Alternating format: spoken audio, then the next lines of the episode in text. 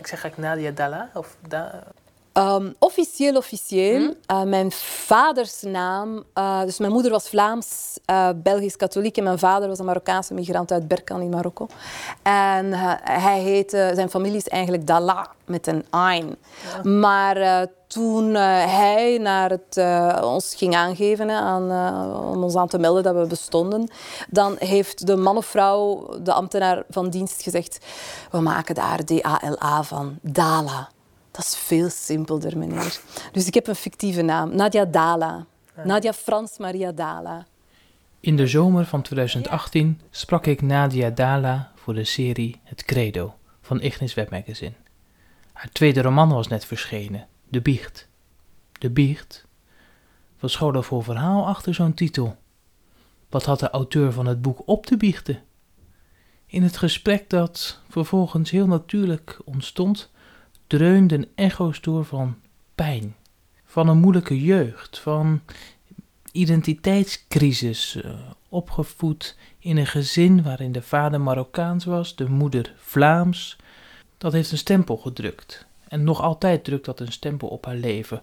Maar te midden daarvan schitterde ook een diamant. En aan alles was voelbaar dat Nadia Dala nog altijd bezig was die diamant verder en verder te slijpen. Daarom brengen we nu dit hele gesprek als podcast uit. En niet alleen de korte versie die eerder te horen is geweest als het credo. Nadja Dana, um, u bent schrijver. U heeft een uh, Marokkaanse vader en een Vlaamse, Vlaamse moeder. Ja. Een katholieke moeder en een islamitische vader. Ik ben benieuwd naar uh, wat voor heeft dat een soort mengselgeloof bij u opgeleverd in uw opvoeding of hoe is dat? Hoe is dat, is een hele goede vraag. Uh, mijn moeder was niet gewoon katholiek, maar zeer streng katholiek. Um, het was een, ik zeg was, omdat mijn beide ouders zijn overleden. Mijn moeder op mijn vijftiende en mijn vader vijftiental jaar geleden. Um, mijn moeder heeft ooit in het klooster gezeten om maar aan te geven hoezeer zij bevangen was van, die, van dat idee hè, en hoezeer zij doordrongen was van dat katholieke geloof. En uiteraard heeft zij een stuk van haar uh, ja, zijnstoestand overgegeven en overgeleverd aan ons, aan mijn zus en ik. Uh, dus we waren met twee thuis. En we hebben altijd op katholieke meisjesscholen gezeten, um, katholieke internaten. Um, en een van die katholieke internaten waar ik vanaf mijn vijfde heb gezeten, daar spraken ze nog echt over de duivel. Dus dat je wel heel bang moest zijn. Ik had er ook nachtmerries over. Um, ik herinner mij nog zeer levendig het verhaal van um, een meester fazant.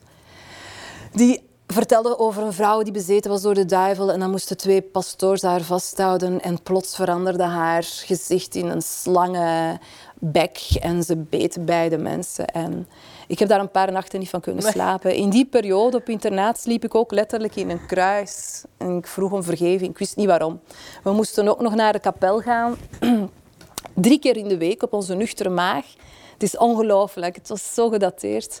En dan ja, moesten we zeggen wat we hadden gezondigd die week. En dan probeerde ik gewoon te verzinnen van ja, ik heb koekjes gegeten en ik mocht niet, wist ik veel.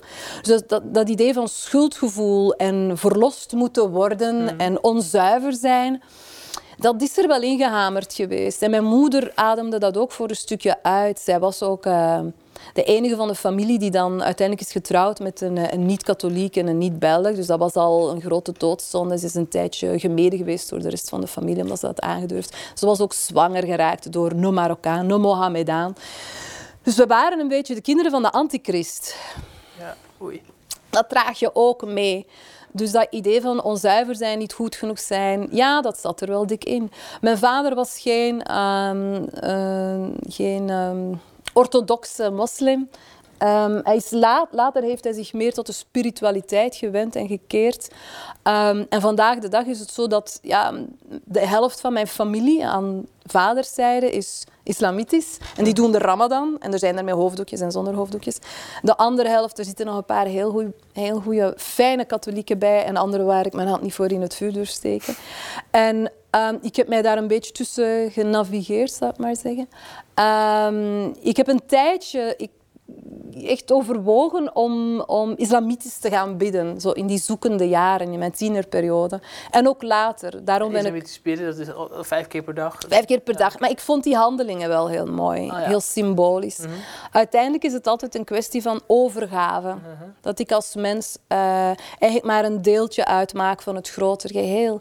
En ehm, in, ja, dat zit in heel veel symboliek vervat. En het knielen en het buigen. Ehm, dat sprak me wel aan. Ehm, ik heb daarom ook Arabistiek en islamkunde gestudeerd. Ik denk omdat mijn vader mij weinig had doorgegeven. Het is heel klassiek. Hè. Eh, was ik op zoek naar van, ja, wat is dat dan? Mensen verwijten mij dat ik van een, een zeer slechte afkomst ben. Hè. Eh, Marokkaans, het is echt het, het meest rampzalige dat je kan overkomen, feitelijk in West-Europa. Laat staan islamitische roots hebben. Dat is, dat is, ja, dan heb je werk aan de winkel voor jezelf en naar de buitenwereld toe. En dankzij mijn studies Arabistiek en Islamkunde heb ik gewoon meer zicht gekregen in de historiek, in, ook in de Arabische taal en de vertaling en dergelijke meer. Dus op een gegeven moment bevond ik mij in Egypte. Ik was met een studiebeurs voor een jaar naar Egypte getrokken. En eh, ik was zo onwijs om aan mensen die ik had ontmoet en waar ik al wat meer mee optrok te zeggen van oh, ik wil wel islamitisch bidden. Maar eigenlijk zonder mij te willen bekeren. Ik was gewoon heel nieuwsgierig. En zij dachten van, we hebben er een zieltje bij gewonnen. En ze waren heel opgewonden en ze wilden mij plots helemaal bekeren. En dan heb ik er maar even van afgezien. Maar thuis heb ik nog wel van die boekjes gekocht om te kijken van hoe werkt dat en wat voel ik. Want het gaat toch om beleving, wat voel ik. En, En, wat, wat, wat voelde u? ah, ik wist niet hoe ik het moest doen. ik dacht, ik doe iets verkeerds hier. Dus ik, eh, ik, ja, het was een beetje amateuristisch eh, geknutsel. Ik had ook het gevoel van, als je vanuit een zo- gezonde interesse toenadering zou zoeken, dat men inderdaad heel snel zoiets Ah, ja. heeft van, eh jee, zo, zo, ze komt bij ons. Dus, dus echt voor een soort zoekende geest was niet echt de ruimte in de, in de islamitische gemeenschap waar u dan eventueel toenadering. Uh, dat was nu een anekdote eh, in, eh, in Cairo, in Egypte. Maar Mm. er is niets eenduidigs. Mijn familie langs vaders zijde, de moslims, hebben mij altijd perfect eh, gerespecteerd voor alles wat ik wilde geloven of niet wilde geloven. Dat ik niet meedoe aan de ramadan en dergelijke meer. Er is nooit enige bekeringszucht geweest. Ehm, en eigenlijk hebben ze mij altijd meer omhelst en aanvaard, vind ik, ook in de Arabisch-islamitische wereld. Ehm, dat is zo'n beetje de one drop of blood theory dat je ook in, in de Verenigde Staten hebt met de African Americans. Het lijkt alsof men aangeeft van er zit één druppeltje, alleen meerdere, de helft. Uh, Arabisch-islamitisch bloed in jou, dus come on. Ah, ja. Je hoort er nog een beetje bij. andersom was het zeker niet, dat er één druppeltje Vlaamse bloed in zat. Nooit, nee. Je bent bevuild. En eigenlijk die thema's, dat klinkt heel hard om te zeggen, maar ik heb dat wel echt zo beleefd. Ik echt zo aangevoeld. En vandaag de dag is dat nog altijd een beetje zo, maar ben ik al wat ouder. Die thema's verwerk ik wel vaak in mijn, in mijn, eh, in mijn romans. Eh, ik heb twee romans ges- geschreven. De eerste ging over een moeder-dochterrelatie. Zeer katholieke moeder met haar dochter. Mhm. En tweede over een relatie tussen twee zussen. En dat ze zich willen bevrijden van, dat, van die zonde waarvan dat je niet weet van waar ze komt of wat dat je hebt mispeuterd. Dat zit daar wel altijd wat in vervat. En soms kijk ik naar mijn schrijfsels en denk ik, wauw, Nadia, het zit nog altijd heel diep. Mm. Ja. Maar je, je hebt wel een beetje zo geprobeerd om islamitisch te bidden. De, eh, het de katholieke milieu waaruit, jij, waaruit u kwam, ja, dat, eh, is, is daar nog iets van eh, achtergebleven waarvan u denkt... Ik heb, ehm, ik heb een heel mooie Bijbel, Bijbelvertaling bij mij thuis liggen die een vriendin mij heeft gegeven. En ik durf daar echt in lezen voor inspiratie. Ik vind dat zeer mooie teksten. Uh, zolang je ze niet uh, letterlijk interpreteert, Mhm. vind ik het uh, Nieuw Testament, Oud Testament, sommige, vind ik heel mooie, heel wijze teksten. Um, waar iedereen eigenlijk inspiratie uit zou kunnen halen. En ik voel mij daar niet onprettig bij om, dat, uh, om, dat, daarover te vertellen. Hoewel dat er vandaag de dag in een zeer atheïstische maatschappij heel weinig ruimte is om aan te geven van hé, hey, ik, kan mij geïnspireerd voelen door teksten in de Bijbel of door um, bepaalde symbolieken uit een andere religie. En alles moet zeer snel um, gelabeld worden en in een hoekje geplaatst worden, terwijl we aan zich spirituele mensen zijn. Dus ik ben zeker spiritueel. Ik heb uh, zeven jaar in Brussel gewoond. en daar had ik een, uh, een, een, een vriendin die uh, een christelijk was, maar ik weet niet meer welke strekking, juist Pentecostal, denk ik.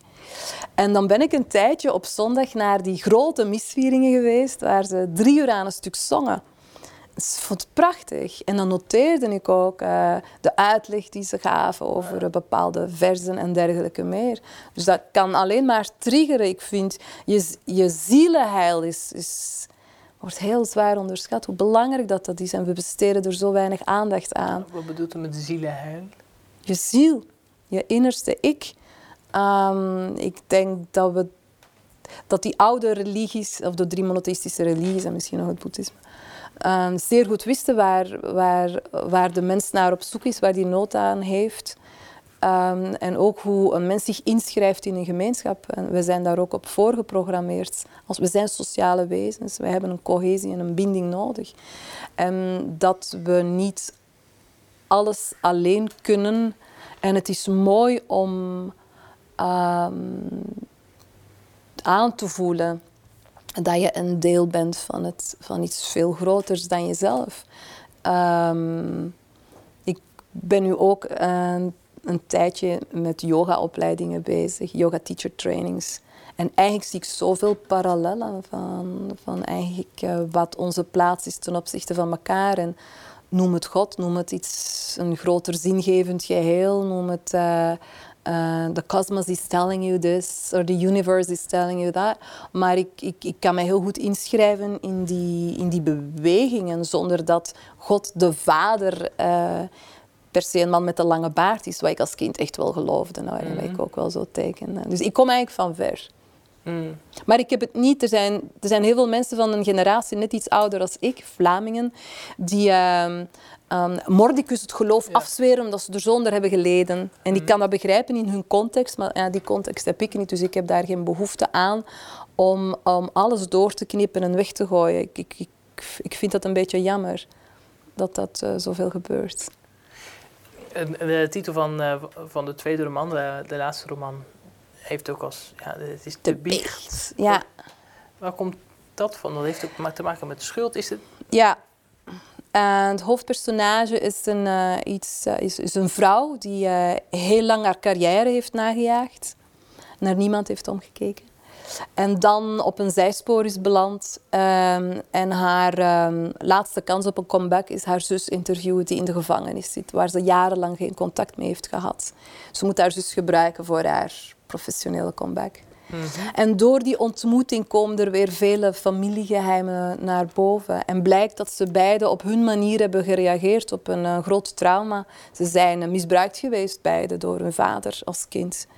En dat opbichten aan, hen, aan, aan zichzelf en aan elkaar. Uh, ja, dat betekent het einde voor een van de twee protagonisten die dat te zwaar vond om te dragen.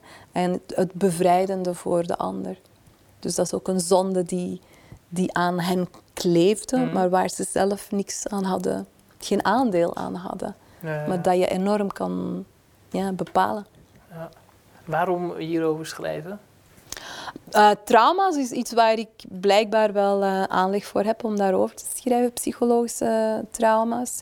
Ik heb uh, zelf mijn aandeel gehad in, in trauma's als kind en als tiener. Dus ik, ik ik weet wel, het is niet bewust hoor, het is heel onbewust gegaan. Ik heb Wat zijn, het, zijn het voor trauma's? Heeft het ook te maken met de plek in de, in de maatschappij? Als, nee, dat was bijna een luxe probleem. Uh, ja, psychisch en fysisch geweld. Uh, fysisch geweld, denken dat je er morgen niet meer gaat zijn, dat je dood gaat gaan. Hm. En ook zien hoe andere mensen misschien dood gaan gaan door geweld. En uh, zeer invasief fysiek gedrag. Ehm, ik schrijf er ook heel um, voorzichtig over, omdat ik het er zelf nog heel moeilijk mee heb om erover te praten. Um, maar ik geef wel heel duidelijk aan, in de biecht bijvoorbeeld, um, hoe um, posttraumatisch stresssyndroom heet dat, trauma, kan jouw geheugen en je hersens zelfs wat aantasten dat je zwarte gaten krijgt en dat je dingen niet meer herinnert omdat je er zo hard verzet, tegen verzet. En eigenlijk zegt die, Marie heet ze, mijn derde naam is Nadia Frans Maria. Um, zegt ook, ik ga het nu allemaal opschrijven, want ik ben bang dat ik het morgen niet meer weet. Want eh, ik voel dat er kleine wormpjes zijn die knagen in mijn hersens. En, en ik krijg flashbacks en ik, ik, krijg van die flitsen in mijn hoofd. En ik, beheer, ik beheers het niet meer. Ik beheers het niet meer. Ehm, veel trauma kan je niet meer beheersen als je er niks mee doet, als je mhm. altijd in de ontkenning gaat. En dat is een thema dat mij heel erg aanspreekt, omdat ik denk dat er veel mensen mee rondlopen en dat er weinig aan wordt gedaan. Mijn moeder was ook psychiatrisch patiënt. Het wordt al maar leuker. Cynische opmerking. maar dus ik ben daar een beetje mee vertrouwd. En, het, en, het, biechten, is dat ook iets... Heeft dat zelf ervaren als, als ofwel een bevrijding of... of, of... Goeie vraag. Iets opbiechten. Ik denk... Of is er nog iets wat u moet opbiechten? Iets helder krijgen voor jezelf. Dat, voor jezelf. En je is al heel wat, want als je iets kan opbiechten voor jezelf, dan, dan dan doe je het ook ten opzichte van een groter geheel. Dan is dat de waarheid die voor je staat. En je staat niet alleen voor die waarheid, dat is dan echt allesomvattend. Dus dat is best wel een grote taak. En pas nadien kan je, als het al nodig is, praten over iets, iets opbichten aan een ander. Maar dat wordt dan een opbichten van iets waar jij, nogmaals, wat je niet, niet mis hebt gedaan, maar iets mhm. waar jij schuld voor draagt. Jij draagt schuld voor, voor iets wat jou is aangedaan. En, en eigenlijk in het... Mijn moeder was ook zo'n type die um, de schuld op zich wilde nemen voor zaken. Ik denk dat dat in Vlaanderen toch, ik weet niet, in Nederland iets heel hoer-katholieks was. Je schuld dragen. Zelfs als je niks te dragen had en dat je het best van je zou afwerpen of zeggen van hier, dat is uw schuld. Daar een beetje onder gebukt gaan. Mhm. Dus die bicht krijgt is eigenlijk heel dubbel. Ja. Um, in uw werk als journalist heeft u ook veel gewerkt met, uh, ja, met, met, met moslims om, om hun beweegredenen, hun geloof uh, mm -hmm. te onderzoeken. Klopt. Wat is dat, wat, waar, wat voor gedrevenheid zat daarachter? Um, ik heb um, ooit uh, een boek geschreven, Als sluiers vallen, ik herinner het mhm. mij terug. Um, tien portretten van moslimvrouwen. Ik had een dertigtal vrouwen geïnterviewd. Uh, moslimvrouwen. Hè. Zeer verschillend. Um, er waren vrouwen die in burka rondliepen. Er waren vrouwen die de hoofddoek hadden afgedaan. En gezegd van, het is niets voor mij. Andere vrouwen die echt sharia-staat wilden. Andere die uh, zeer feministisch zijn met hoofddoek. Andere die ja, nooit hebben gedragen en nooit zullen dragen. Dus zeer verschillende belevingen. Verschillende generaties. Uh, eerste generatie, tweede, derde. Marokkaans, Turks, Tsjecheens, Libisch, noem maar op.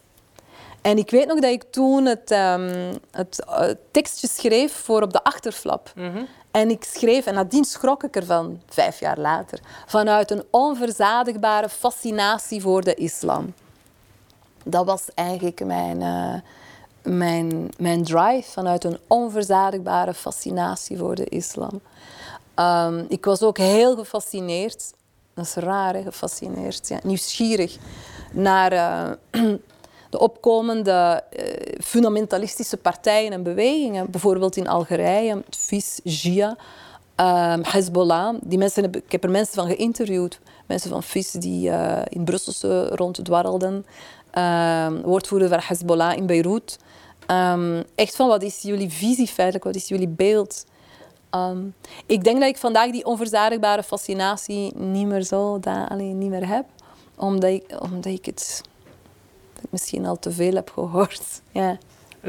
Neemt u er iets uit mee, uh, uit al die, die verhalen? Van wie specifiek? nou, van, nou ja, in die zoektocht van die, naar, die, uh, naar de islam. Iets mee waarvan ik denk, ah, dit, is, dit, dit hou ik eraan over voor mezelf. Iets wat, wat mooi is, waar misschien een houvast aan heeft. Of... Houvast is een groot woord. Ehm, ik zie wel de schoonheid van ehm, je in een gemeenschap bewegen en elkaar dragen in een gemeenschap. De Ramadan is net begonnen, dat is heel gemeenschapsbevorderend. Ehm, maar ik zie ook aan gewoon mensen heel dicht bij mij, hoe zij, bijvoorbeeld denk aan mijn zus en haar, en haar echtgenoot, hoe zij vanuit een, een niet-orthodoxe uh, beleving van de islam heel mooie mensen zijn. En, en eigenlijk doet mijn nicht aan katholieke zijde net hetzelfde. Vanuit een niet-orthodoxe geloofsbeleving worden, worden dat heel mooie mensen die willen helpen, die, die luisteren, die zich ten dienste willen stellen van de zwakkeren. Terwijl dat ze best ook nog carrières hebben. Maar ja, ik vind dat maakt hen zoveel rijker van binnen. Zonder te willen prediken of naar versen te moeten verwijzen of soera's of Mhm. bijbelteksten. Eh, En dat is natuurlijk heel, heel inspirerend, want zo wil je ook zijn. En dat ze daaruit een soort van rust halen. Ja. Eh, eh, Deze serie heet het Credo, naar, het, eh, naar de geloofsbelijdenis van de kerk. Dat kent u ongetwijfeld vanuit uw jeugd. Ik geloof in. God de Vader, de Zoon en de Heilige Geest. Als u die, die zin afmaakt, ik geloof in... Wat, wat komt er dan? Ik geloof in de schoonheid van de creatie. En, en eh, wa- wat is dan de creatie? Wat Dat zijn wij, dat is alles wat ons omringt. Ehm, dat is u, dat is ik, dat is alles wat is en nog kan zijn. Ehm émerveillement, être émerveillé, zeggen ze in het Frans. Verwondering. Eh, en ook een... Ik hoop dat ik dat altijd behoud, die kinderlijke verwondering. Zoals Jezus zei, laat de kinderen tot mij komen en dergelijke. Dus er zijn vaak wel van die eh, referenties die ik heb. Dat ik denk van, oh ja, dat, dat haal ik daaruit. Of dat breng ik in verband daarmee. Dat is zeker een mooi credo. En ik, la- onlangs zeg ik op... Want wat, wat kan die, want de schoonheid, wat kan schoonheid betekenen in deze wereld? Of wat betekent schoonheid in deze wereld? aan elkaar dienen. En dienen is een lelijk woord geworden. Mhm. Ehm, mens zijn voor elkaar, goed zijn voor elkaar. Ja, wat is God de Vader? Waarom noemen we die God de Vader? Ehm, eh, vrede vinden in jezelf en in een ander. Islam, salam, vrede. Ehm, dat bevorderen en in je dragen en ehm, elkaar opvangen. Ja, de hemel op aarde mee creëren klinkt allemaal heel groot. hè. Mhm. Maar dat is, dat is de schoonheid. Als dat, als dat gebeurt of als je daar iets van ziet. Ja, en daar hoef je geen camera op te zetten. En dat kan in, eh, dat kan in een mini, mini seconde, of dat kan zo heel snel gebeuren. Gewoon dat mensen of iemand aanmoedigen waardoor je een verschil maakt bij iemand. Dat stukje begeesteren, bezielen, eh, optillen. Ehm, daar hoef je geen hogere studies voor gedaan te hebben. Is dat iets wat gewoon zomaar gebeurt of, of probeert dat ook actief? Ik denk voor mezelf dat ik dat eh, best beleid. Eh, eerst in grootste stilte, voordat je over zaken praat. Dat je, dat je dat, je, hoe zeggen ze dat? Je rechterhand hoeft niet te weten wat je linkerhand doet of omgekeerd. En dat is ook een ene waar ik aan vasthoud. Dus anderen hoeven dat ook niet te weten wat je doet. Het is tussen jezelf en je omgeving en wat er dan nog zou kunnen zijn.